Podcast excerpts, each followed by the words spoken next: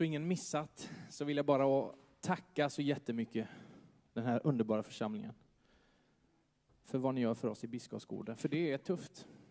Det är utsatt, men vi känner att vi har i ryggen. Jag är så glad för vårt samarbete och din uppbackning Peter och Ulf. Och det kom från hela styrelsen i Biskopsgården, det jag säger. Vi ska börja med att be. Herre, jag tackar för den här möjligheten. Tänk att vi föddes i Sverige, där vi kan få fira gudstjänst utan att vara rädda för den hemliga polisen, utan att hamna i fängelse. Vi kan fortfarande gå med vårt kors på spårvagnen, Herre. Och vi kan säga på social media i vårt land fortfarande att vi tror på Jesus. Förlåt oss när vi inte är tillräckligt tacksamma för det. Och idag har vi samlats här idag i ditt namn, Herre, inte i mitt namn. För vi söker dig, vi vill ha mer av dig, vi vill förstå dig mer, Herre. Och vi vill bli välsignade av dig, Herre. Och då ber jag att den här predikan ska bli till en välsignelse. Jag vill inte stå i vägen för ditt ord, Herre. Öppna våra hjärtan. Låt oss få höra vad du vill säga till oss idag.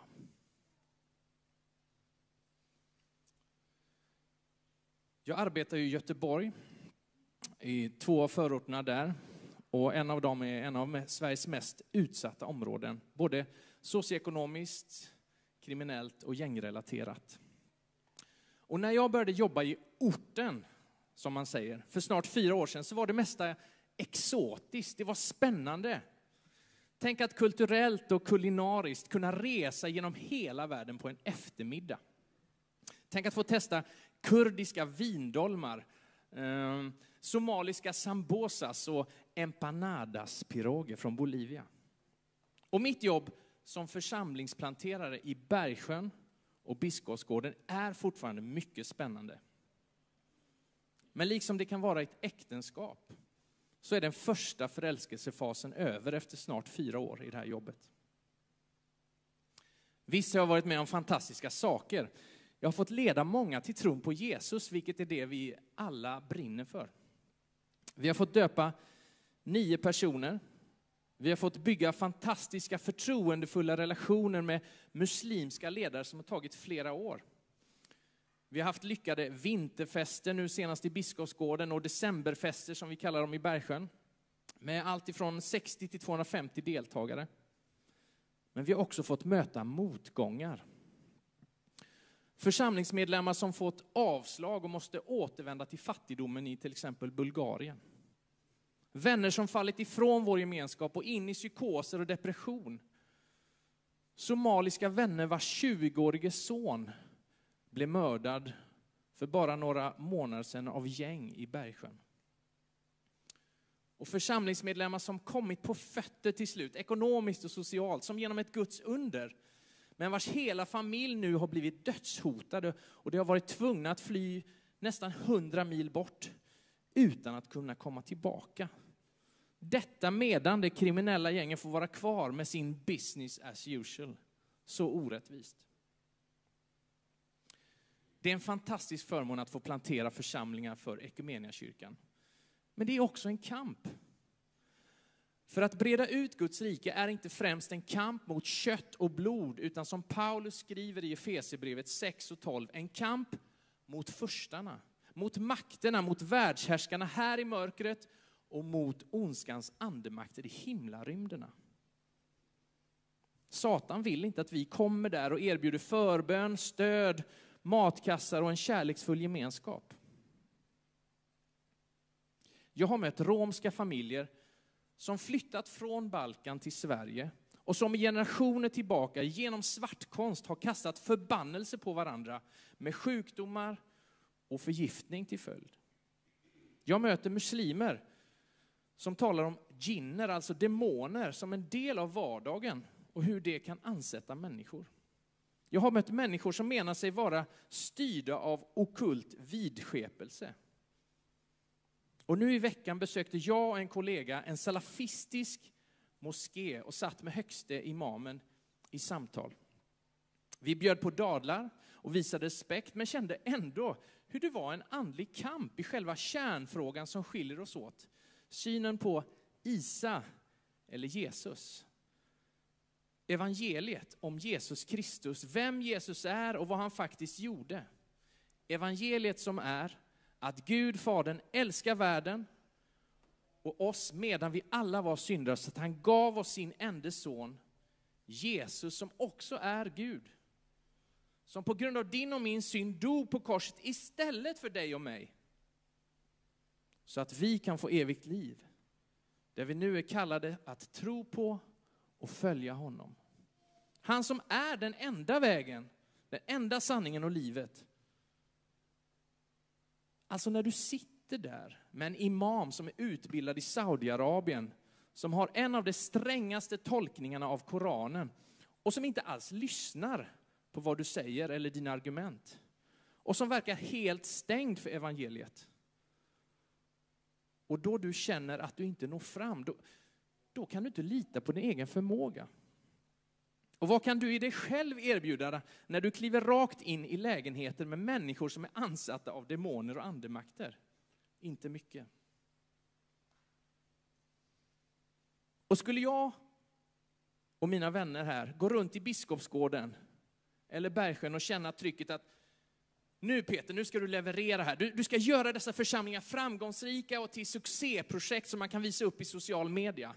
Eh, du ska i egen kraft bekämpa dessa andemakter med auktoritativ bönestrategi. Då hade inte jag orkat. Då hade jag gått in i väggen och dessutom inte vågat gå runt sårbar och ofta ensam i ibland utsatta situationer. Där olika gäng passar på sina revir. Jag är trött så här innan jul, efter en lång höst med både motgångar men också mycket välsignelser. Du kanske också är trött. Men jag vet ytterst att det hänger inte på mig. Vilket gör att återhämtningen i vilan går mycket snabbare. Dessutom vet jag att de gåvor och de talanger jag har fått, de är från Gud. Och att han kallar vem han vill, men också beskyddar och utrustar dessa personer. Och jag lutar mig mot att Jesus säger i Matteus 16 och 18 att han ska bygga sin församling. Salemkyrkan i Biskopsgården eller Love the Hood i Bergsjön eller Alingsås kyrka ägs inte av mig och dig eller ens av kyrkans regionkontor eller kyrkoledarna i Bromma. Nej, dessa församlingar tillhör Kristi kropp. Och det finns bara en Kristi kropp, även om inte alla tillhör Kristi kropp. Jesus som är huvudet. Han som är skaparen och håller samman allt. Han som vi rör oss och är till i, vare sig vi erkänner honom som Herren eller ej, vilket han är, oavsett oss. Jesus är Gud, Jesus är Jahwe. Messias som ska komma åter och vars födelse som vi kristna nu stolt firar och besjunger under nästan en hel månad vid jul. Och när vi nu närmar oss juldagen, den 25 som de flesta i världen firar, även fast vi inte vet exakt när Jesus föddes, så har vi chansen att stanna upp efter en kanske lång och påfrestande hösttermin, där vi alla har gått igenom olika personliga prövningar. Somligas väg snårigare än andras. Somligas väg sårigare än andras. Till detta det alarmistiska yttre trycket från omvärlden om oro och strid med krig, terror, bombningar och mord. Nu också på hemmaplan för er här i Alingsås. På detta läggs sedan räntebördor och politisk osämja och misstro. Jag tror vissa av er här idag kanske känner en enorm trötthet i vintermörkret som inte bara kan förklaras med D-vitaminbrist. Du kanske varit nära att ge upp. Du kanske känner, det var inte det här livet jag drömde om. Din själ kanske känns som söndertrampad. Du kanske inte har något kvar att ge efter att ha gett och gett och kanske aldrig känt att du fått något tillbaka. Du kanske känner som Jesus när han hängde på korset när han sa Min Gud, varför har du övergivit mig? om du sitter här idag och känner så, känn dig extra välkommen hit idag. Jag tror inte det var en slump att Gud ledde dig hit idag. För jag vet att Alingsås kyrka vill vara ett fältsjukhus för sargade och trötta själar. På samma sätt som vi i Salemkyrkan vill vara det i Biskopsgården. Bara sitt där i bänken och släpp all prestation. Släpp din fasad om du så hållit upp en sådan. Släpp din prestige om du utåt försökt ge ett sken av att vara lyckad när du i verkligheten kanske känner dig misslyckad. För denna samtid vill få det till att vi ska förverkliga oss själva, framhäva vår förträfflighet och sälja in oss i konkurrens med så många andra på marknaden när det gäller jobb och karriär. Men om du inte är fri från detta jagande så vill jag erbjuda dig full frihet idag. Den enda sanna friheten och den enda sanna julefrid som bara finns i Jesus Kristus. Och det enda sättet som du kan fli, bli fri genom, det är att dö bort från dig själv. Matteus 16, vers 24. Jesus sa till sina lärjungar, om någon vill följa mig ska han förneka sig själv och ta sitt kors och följa mig. Den som vill rädda sitt liv ska mista det, men den som mister sitt liv för min skull ska vinna det. För vad hjälper det en människa om hon vinner hela själen, hela världen, men förlorar sin själ? Eller vad kan en människa ge till lösen för sin själ? Men du kanske tänker, Peter, det där låter så jobbigt att ta sitt kors och följa Jesus. Du kanske känner så här att ah, det är ingen på min arbetsplats som vet att jag går i kyrkan. Och det är så skönt, för då slipper jag jobbiga frågor om tron och slipper förklara skapelseberättelsen eller stå till svars för krigen i Gamla Testamentet. Om man har en felaktig och obiblisk gudsbild så kan det bli superjobbigt när man hör att man ska dö bort från sig själv och följa Jesus som en lärjunge vart han än leder dig. Om man tror att Jesus främst är en dömande, hård kontrollant, där man aldrig riktigt visar sig hålla måttet, den syndare man är, så har man misstagit sig om vem Jesus är. För den förlåtande och barmhärtige Jesus vill hjälpa oss. Och han utgår ifrån och möter dig där du står i livet just nu. Jesus vill bära oss genom livet och Jesus vill i omsorg leda varje steg du tar genom den helige Ande. Matteus 11.28, där står det så här. Kom till mig alla ni som arbetar och är tyngda av bördor så ska jag ge er vila. Ta på er mitt ok och lär av mig, för jag är mild och ödmjuk i hjärtat. Då ska ni finna ro för era själar. För mitt ok är milt och min börda är lätt. Kom till Jesus, sluta håll tillbaka, sluta att streta emot. Jag är tacksam att jag har fått studera. Som vi tar för givet jämfört med många andra i andra länder. Så jag fick ta en magisterexamen i religionsvetenskap. Jag har därmed fått chansen att vetenskapligt djupstudera min egen tro, Bibeln, men också andra religioner nära. Och skillnaden mellan alla andra religioner och den bibliska kristna tron är att i de andra religionerna så handlar det om vad du ska göra, förbättra, vart du ska vallfärda, vad du ska offra, vad du ska säga, hur och hur ofta du ska be för att eventuellt nå fram till slutmålet som kan vara himlen, Jenna eller Nirvana. Och om du sen når fram, det är helt beroende på din prestation.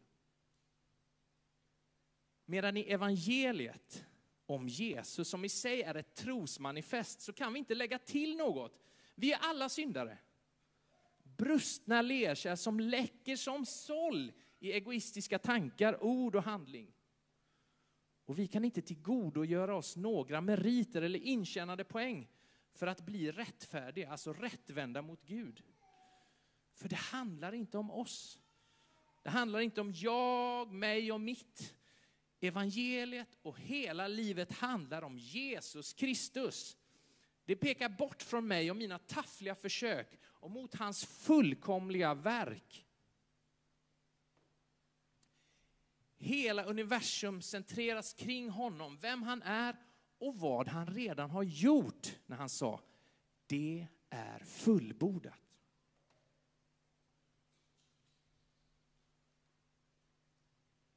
Det enda vi behöver göra det är att liksom när Petrus skulle gå på vattnet släppa taget om relingen och fästa blicken på Jesus. Lita på hans förmåga, hans kraft och hans löften och hans levande ord.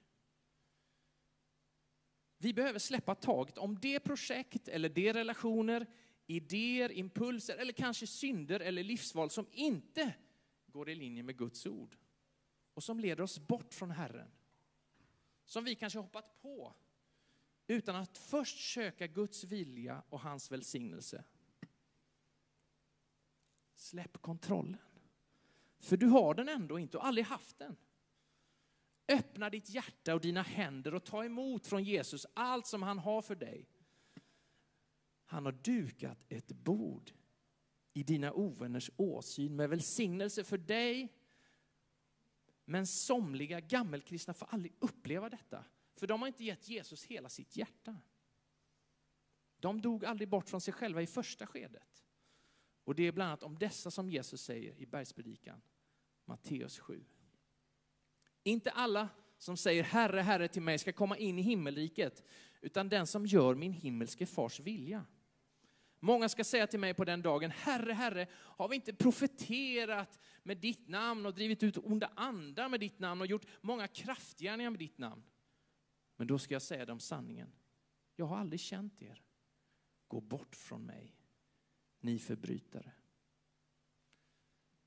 Var inte som dessa som vill utöva tom religion utan att först lära känna Jesus, utan att först söka hans rike och hans vilja. Låt oss vara som den förlorade sonen i Lukas 15 som ger upp sitt eget dödfödda livsprojekt efter allt jagande i världen och som helhjärtat vänder om till Fadern som springer honom till mötes. Men låt oss heller inte vara som den missunnsamme hemmasonen som egentligen är lika förlorad. Han inte verkar lärt känna sin far som säger till son att allt mitt är ditt och därmed gått miste om så många välsignelser som fanns inom räckhåll.